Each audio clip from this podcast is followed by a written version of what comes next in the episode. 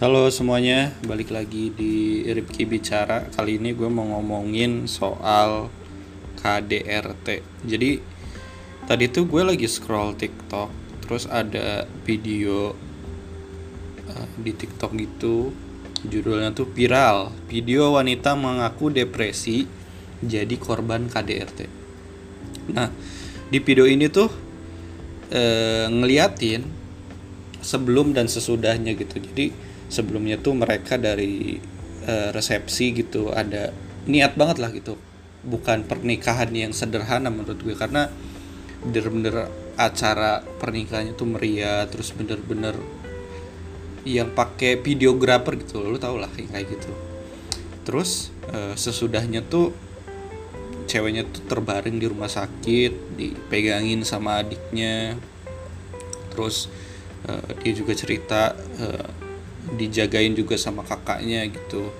Nah yang mau gue bahas adalah kok bisa gitu seorang laki-laki yang memutuskan untuk menikah gitu dan sudah menikah tuh menghajar gitu menghajar perempuan gitu. Apakah love language-nya tuh physical damage gitu? Gue juga gak tahu gitu. Cuman yang gue anehnya tuh kan untuk step up dari jenjang dekat ke pernikahan atau misalkan lu pacaran terus ke nikah kan berarti ada ada level up gitu. Dan anehnya tuh apakah dengan uh, cara melakukan KDRT tuh cowok itu terlihat keren atau gimana gitu? Ini tuh masih gue bingung gitu. Gue ngomong kasar aja ke cewek tuh gak bisa gitu apalagi mukul gitu. Karena lingkungan gue tidak seperti itu kayaknya. Dan mungkin pergaulan gue tidak seperti itu. Mungkin ada beberapa orang yang memang di masyarakatnya tuh tidak superior dan tidak tidak punya andil apa-apa. Terus dia ngerasa superior dan bisa kuat itu ketika di bersama istrinya gitu. Sehingga dia tuh kayak kalau misalkan marah dan nunjukin kekuatannya ke istrinya tuh terlihat keren gitu. Maksudku itu aneh banget karena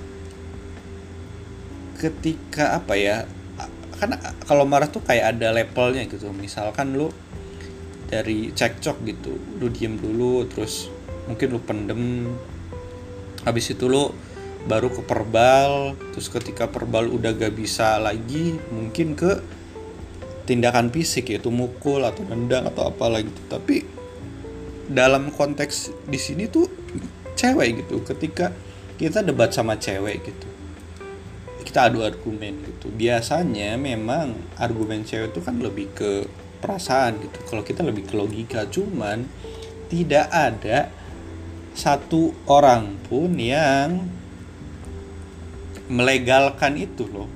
Kepikiran ketika kalau argumen malah nonjok tuh aneh banget menurut gue. Kayak kayak dia gak punya ibu atau apa gitu. Gak, gak punya seseorang yang